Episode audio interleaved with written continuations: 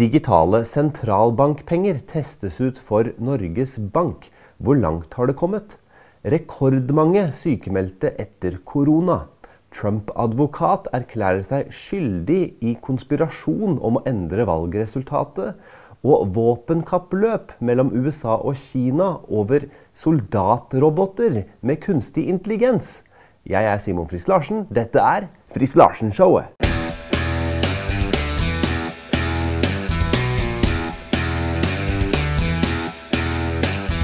I episode 34 så snakket jeg bl.a. om at EU har planer om å innføre digitale sentralbankpenger. Og nå skal dette også testes ut i Norge. Og her fra E24 Norges Bank tildeler kontrakter på 50 millioner til test av digitale sentralbankpenger. Kontraktene gjelder hovedsakelig programmering og inngår i bankens klargjøring for en eventuell innføring av den nye valutaen. Og Hva er eh, digitale sentralbankpenger? Her er det altså en faktaboks. så skal jeg bare lese kjapt hva det står der. Altså Digitale sentralbankpenger, DSP, er allment tilgjengelige elektroniske penger utsendt av sentralbanken i den offisielle pengeenheten. DSP skal kunne gi folk tilgang til et digitalt alternativ til kontanter, der staten garanterer for pengenes verdi i stedet for private banker. Norge er et av landene i verden med lavest kontantbruk.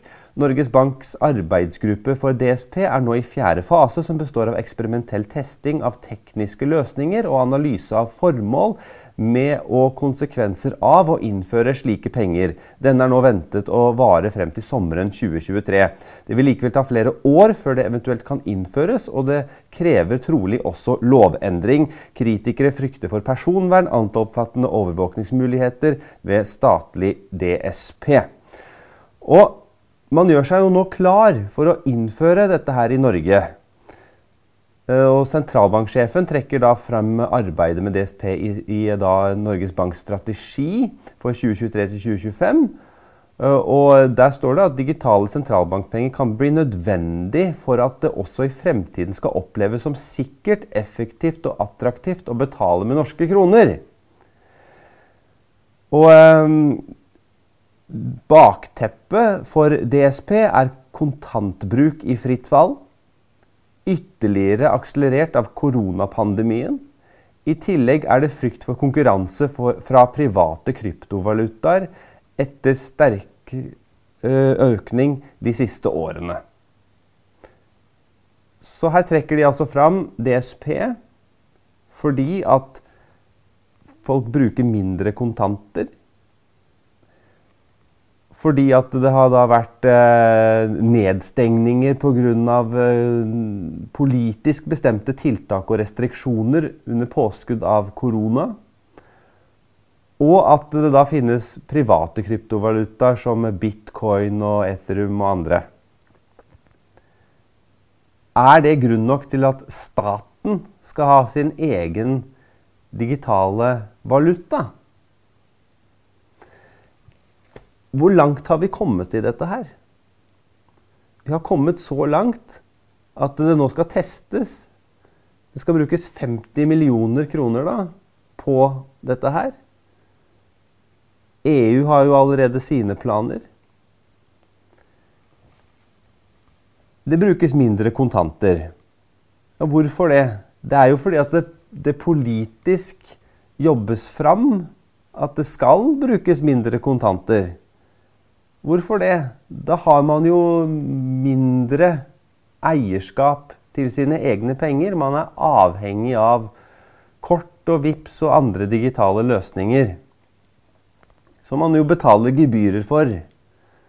Mens med kontanter så er det sånn når du har en 50-lapp, så er den 50 kroner verdt hele tiden. Og med mindre det da går inflasjon i den norske krona, så har den en stabil verdi på 50 kroner. Uavhengig av om du bruker den én gang eller 1000 ganger, så er den 50 kroner verdt til hver gang. Mens med kort, hvis du har gebyr på kortet ditt, og du betaler 50 kroner én gang og 50 kroner en annen gang, så har du betalt gebyr i mellomtiden for hver gang du har brukt kortet. Og dermed så er ikke de 50 kronene verdt det samme hver gang. Fordi du belastes jo gebyr.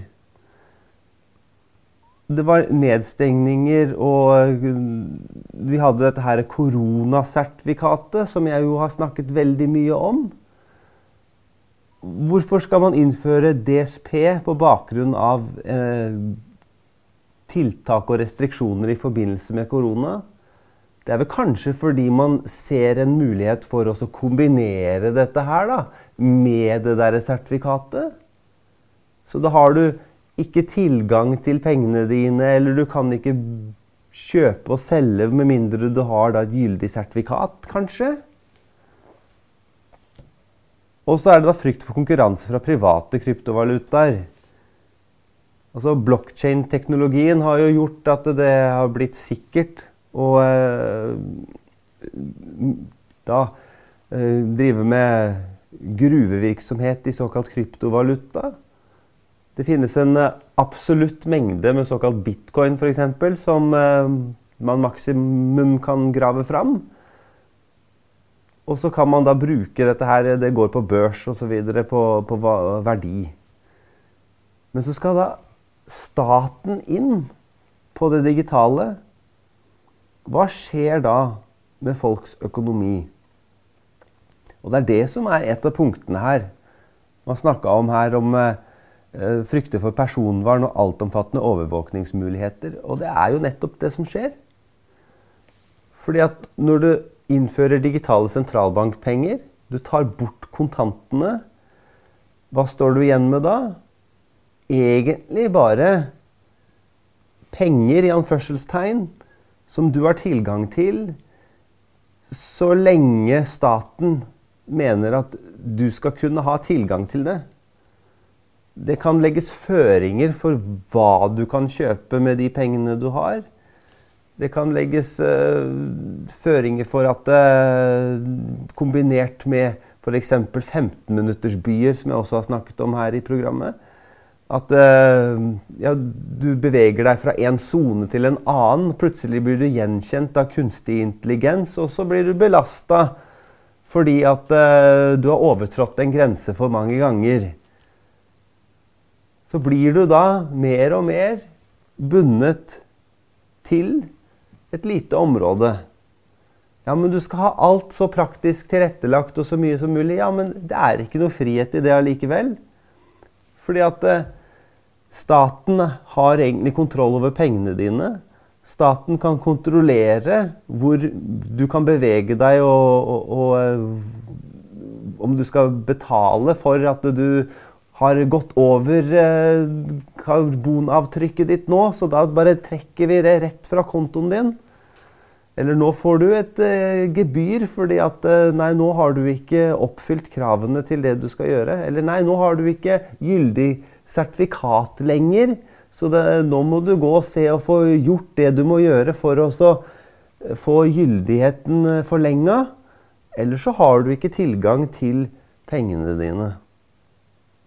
Og da begynner vi å nærme oss egentlig det som eh, jeg skal snakke om i slutten av dette programmet her.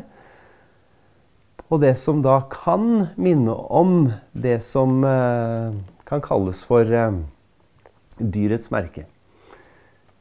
Er vi kommet så langt? Vel, det får vi snakke om i slutten av dette programmet.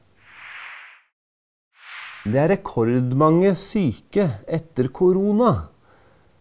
Ja, Men snakker vi fortsatt om korona? Ja, vi gjør det. Det står jo i NRK her 13.10. Så det er jo ikke bare Friis Larsen som snakker om dette her. Det står jo i mediene. Jeg gjengir bare det som mediene sier. Så jeg har ikke noe sånn hang på å måtte snakke om dette her, men når det er her, så må man jo ta det opp. Og det står jo her, da. Rekordmange sjukmeldte. Vi er bekymra. Aldri før har så mange blitt sjukmelde pga. utmatting etter koronasjukdom. Det kan se ut som om risikoen øker hvis en blir smitta flere ganger, sier da assisterende helsedirektør. Vi ser at en god del nordmenn får seinplager sjøl om de bare har hatt mild sykdom.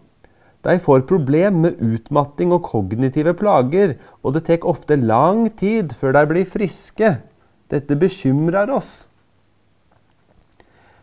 men hva med disse her sprøytene, da? Skulle ikke de gi oss så veldig god beskyttelse, de, da? Skulle ikke det medføre at man verken kunne bli smitta eller smitte andre? At man skulle bli immun, og at eh, da kunne man åpne opp, og alt skulle være så eh, fint og flott igjen?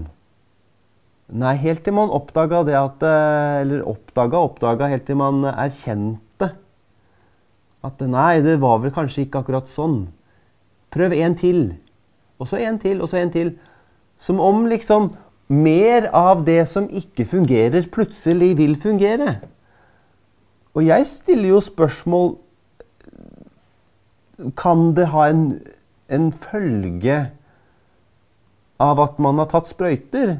Nettopp det at man da får disse her plagene her. Er man så sikker på at det er sykdommen som har medført plagene?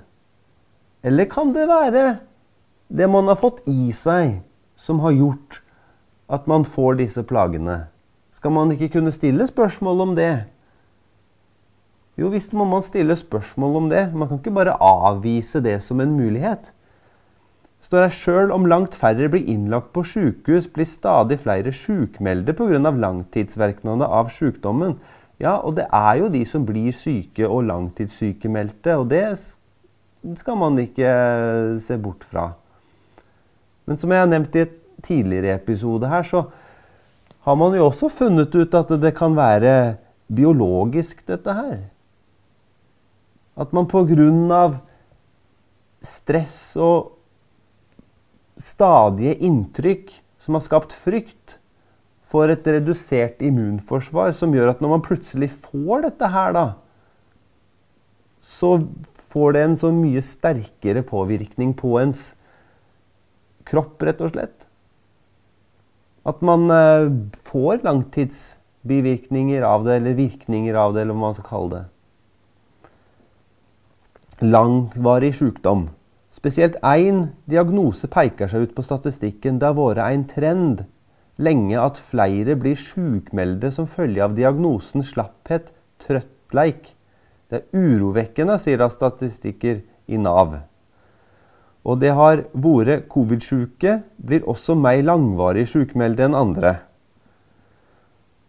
Og var aldri helt frisk, så står det da om noen som har hatt sykdommen. og Så står det at man mangler kunnskap. Mangler kunnskap? Man, man mangla tydeligvis ikke kunnskap da man bare rulla ut dette her eh, sprøyteprogrammet som alle skulle ta. Nei, da hadde man nok kunnskap da, til å bare sette i gang med det, ja. Mens langtidsvirkningene nå, nei, nei, det må jo skyldes sykdommen for all del. ikke sant? Og hvorfor slutta man å rapportere om eh, innleggelser på sykehus i forhold til eh, hvilken kategori man tilhørte? Nå har jeg aldri likt de der kategoriene såkalt sprøytede og ikke-sprøytede. Men man slutta jo å rapportere så fort man så det at eh, andelen personer da, med sprøyter plutselig overgikk de uten sprøyte. For det, det passa ikke inn i det som man da hadde fortalt, da, med grafikk og med overskrifter hele tiden. Men nå altså, så er det jo da de som blir langtidssykemeldte pga. korona. Og spørsmålet er jo da om det kan ha en sammenheng med sprøytene, eller om sprøytene da rett og slett er udugelige. Siden de jo da ikke klarer å forhindre at folk blir syke, og, og, og er syke over lang tid. Så det er spørsmålet. Det er jo veldig dumt at det er, at det er sånn. At folk er langtidssykemeldte. Men skal vi stille de rette spørsmålene, kanskje? I USA har eh, en advokat som eh, har uttalt seg ved noen anledninger i forbindelse med presidentvalget i 2020, og da eh, ved noen få anledninger også representert Donald Trump, nå erklært seg skyldig i konspirasjon over å forsøke å endre valgresultatet. Og det her er Newsmax som uh, skriver Lawyer Sidney Powell pleads guilty in Georgia 20 election case. Lawyer Lindsey Powell pleaded guilty to reduced charges Thursday over efforts to overturn Donald Trump's loss in the 2020 election in Georgia, becoming the second defendant in the Spaulding case to reach a deal with prosecutors. Powell, who has charged alongside Trump and 17 others with violating the state's anti racketeering law, entered the plea just a day before jury selection was set to start in her trial. A judge agreed that she will serve about six years of probation, have to pay $2,700 in restitution, and have to testify truthfully against her co defendants. So Eh, det hun er Det hun da har um, vært tiltalt for, da, uh, det er jo det at hun uh, har snakket om noen greier som er ganske så hinsidig. Selv synes jeg. Annet med tanke på noen sånne her stemmegivningsmaskiner uh, fra firmaet Dominion. Og eh, angivelig da, så skal eh, de maskinene ha eh, vært online og vært eh, brukt på den måten at eh, fra, de har blitt styrt fra utlandet da, til å eh, forandre på valgresultatet underveis. Det er én av tingene som da har blitt påstått. da. Og det er jo ganske ville teorier som, hvis de er sanne, må kunne backes opp med beviser som er da utvetydige. Og det har hun jo da ikke ønsket tydeligvis å fremlegge da, i en rettssak, og heller gått med på eh, en, eh, en tilståelsesdom.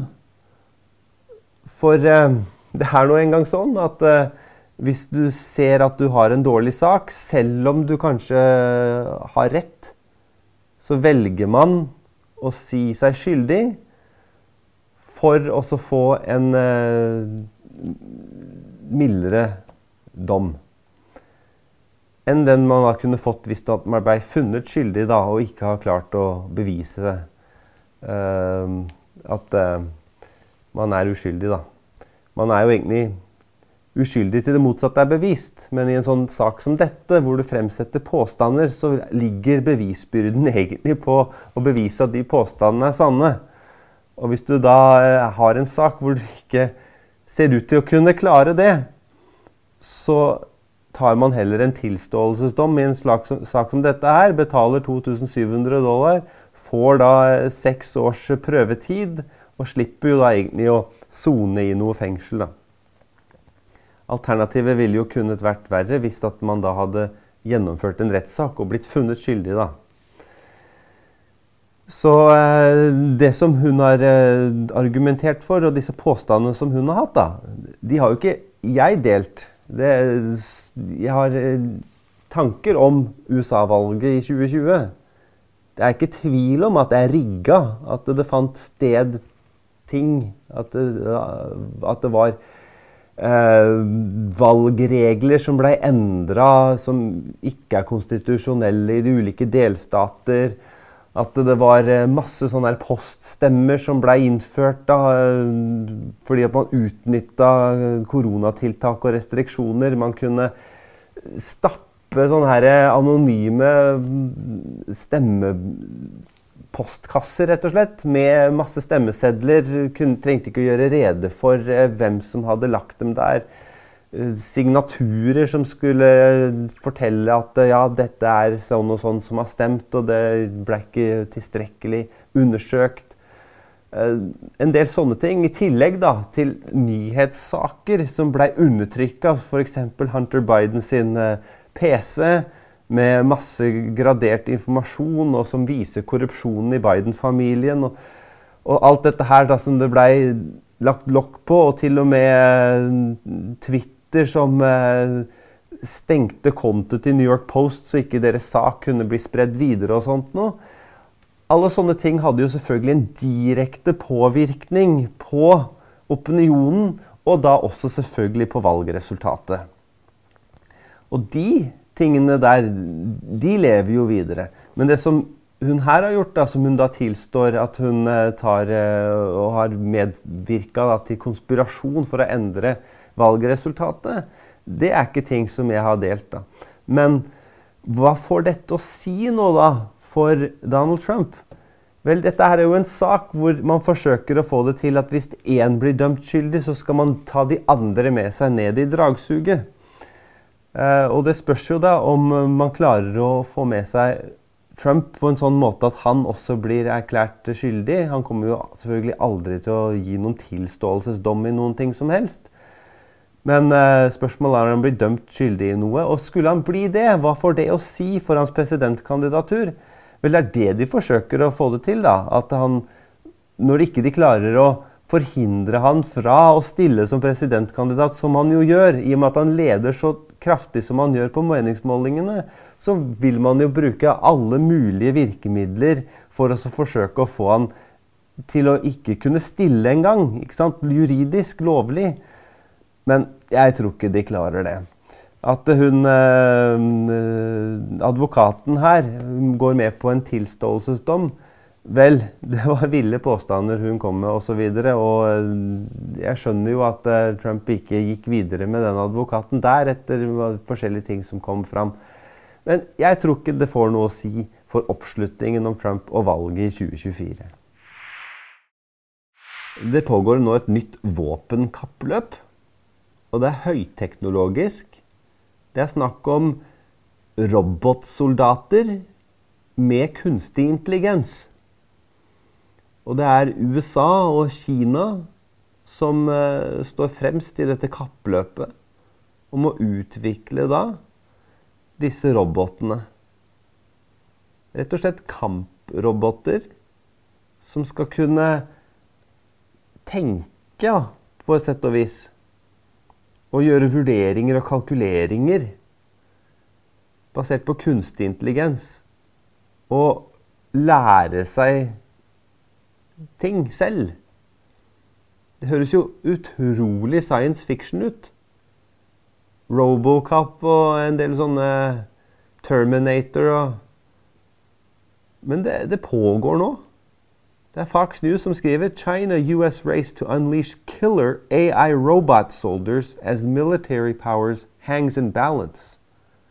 AI technology is the new arms race pitting the world's powers against each other. Så det er utviklingen av kunstig intelligens og hvordan man skal kunne utnytte dette militært, som er det nye våpenkappløpet. Og um, China and the US are locked in a race to develop new weapons controlled by artificial intelligence, a battle that could determine the world's balance of power. Så verdens maktbalanse står på spill her. Om det er USA og Vesten eller Kina og Østen som skal være det, den dominerende faktoren i det globale verdensbildet. The race with China to build autonomous weapon systems is defining defense challenge of the next 100 years. Så det er, allerede så har man jo ubemannede ubåter.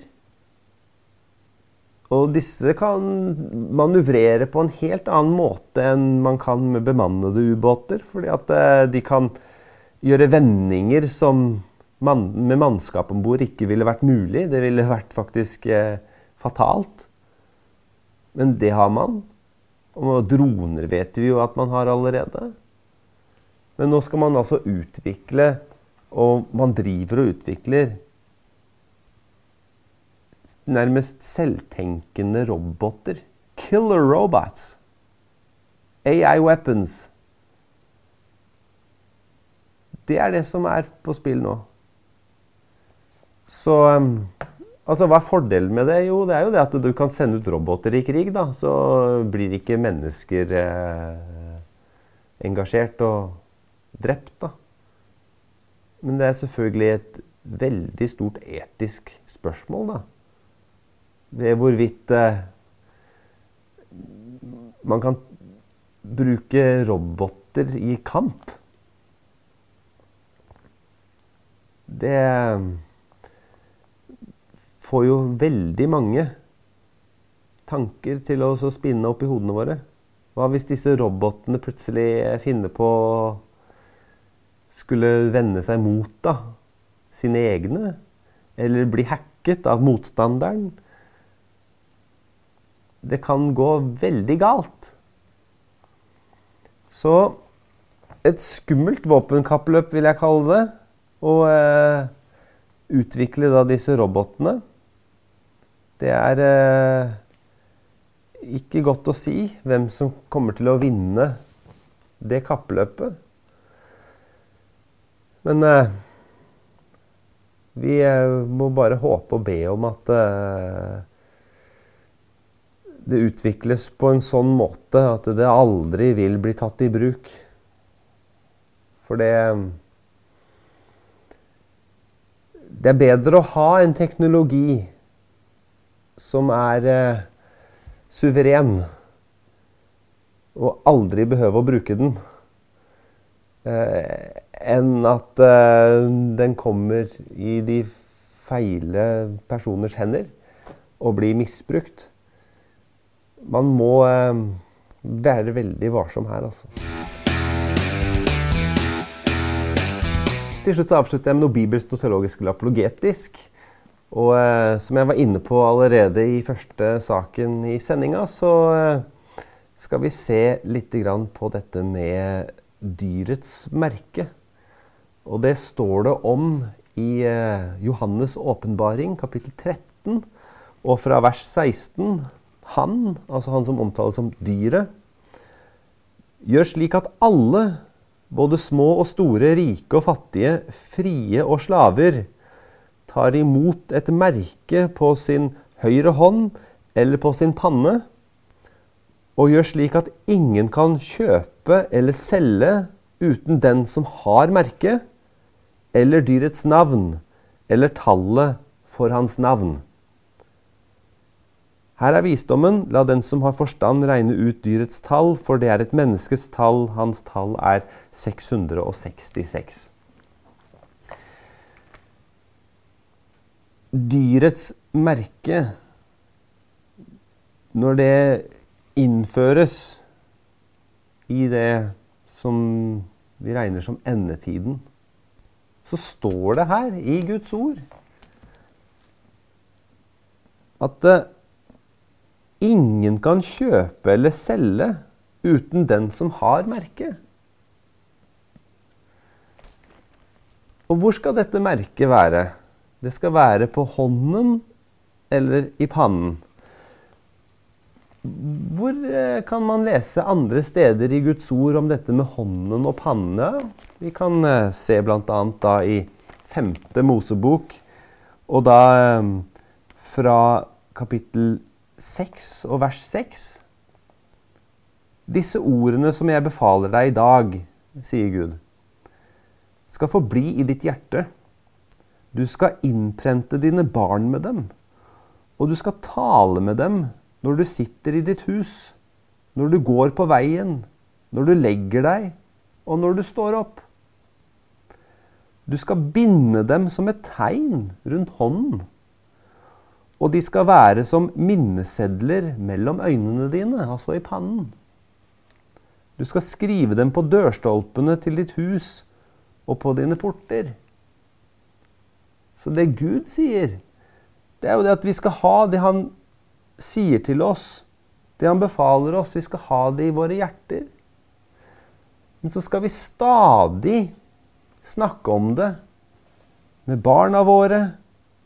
Vi skal, når vi er på veien, når vi legger oss, står opp Vi skal ha det som om vi har det på hånden, som om vi har det på pannen. Altså, vi skal ta det i bruk med hendene, og vi skal ha det for hodet. Altså, vi skal tenke på det, grunne på det hele tiden. Vi skal ha det med oss.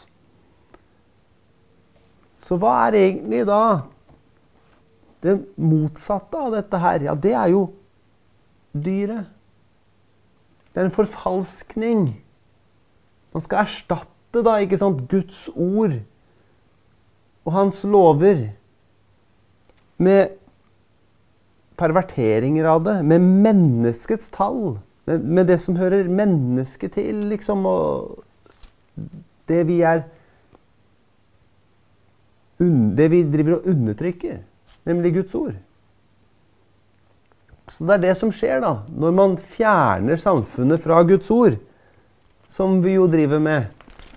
Da baner vi jo veien for forfalskningen, som jo da er dyret og dyrets merke. Og hvordan skal dyret få gjort det slik at man ikke verken får kjøpe eller selge uten dette merket? Det er jo så enkelt som at folk vil jo synes at ja, dette var jo praktisk. Vi slipper jo å tenke, vi slipper jo egentlig å gjøre noen ting. For vi, det blir jo så, så enkelt og greit. Ja vel, ja. ja digitale sentralbankpenger. For eksempel, da. Jeg sier ikke at det er dyrets merke, men, men ikke sant? Det, det, er nærliggende å tro at eh, det er en del av opplegget med tanke på hvor lettvint det er. Ja, vi slipper å ha med oss penger, vi slipper å tenke så mye på å ha med oss kortet, og alt er liksom bare sånn stabilt der. Glem nå overvåkninga og det der. Nei, vi, vi, vi, vi ja. ja. men glem overvåkninga.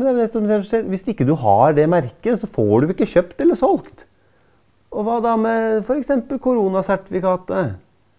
Du, du, du, er jo bundet til det passet, og så må du sørge for at du, du holder det oppdatert. Ellers så detter du ut. Og da får du ikke kjøpt eller solgt. Nei, nei, det gjør man jo ikke, nei. Så det er jo liksom ikke noen som står og hyler 'Kom og få dyrets merke'. Det, man, man, man, glir inn i det fordi at man beveger seg bort fra Guds ord. Ikke lar seg eh, influere av det. Har det bevisst for hodet og tar det i bruk med hendene, snakker med familien, tenker på det når man står opp og legger seg og alt dette. Nei, det er da det blir sånn. At man glir inn i det andre. Og bare våger ikke engang å si noe imot det. Det er jo så greit. Det er så lettvint. Så blir man en del av det opplegget der. Og så blir det jo kunstig intelligens, og dette her kommer jo inn. Og så tenker man det at ja, ja Vi slipper å gjøre så mye, vi da. Vi glir nå bare inn i dette. Og det er jo det som er i ferd med å skje. Man åpner rett og slett opp for at uh, dyrets merke, dette som gjør at ikke vi kan kjøpe eller selge, vil være mulig uten at man tar det. Men vet du hva? Da har man tatt imot en forfalskning. Og ifølge Guds ord så går man altså da fortapt. Fordi at man undertrykker sannheten i urettferdighet og følger menneskets vei istedenfor å følge Guds vei. Men de som Gud har utvalgt til frelse, som har tatt imot Jesus til frelse, de vil også bevares. Så lever du med Jesus, så er du trygg uansett. Men er det ting vi kan gjøre nå? Absolutt. Vi kan vende oss til Gud igjen. Og så kan vi gjøre politiske endringer som gjør at ikke denne her utviklinga går så fort. Sånn at vi kan ha en nådetid framover videre. Jeg er Simon Frist Larsen. Dette er Friis Larsen-showet.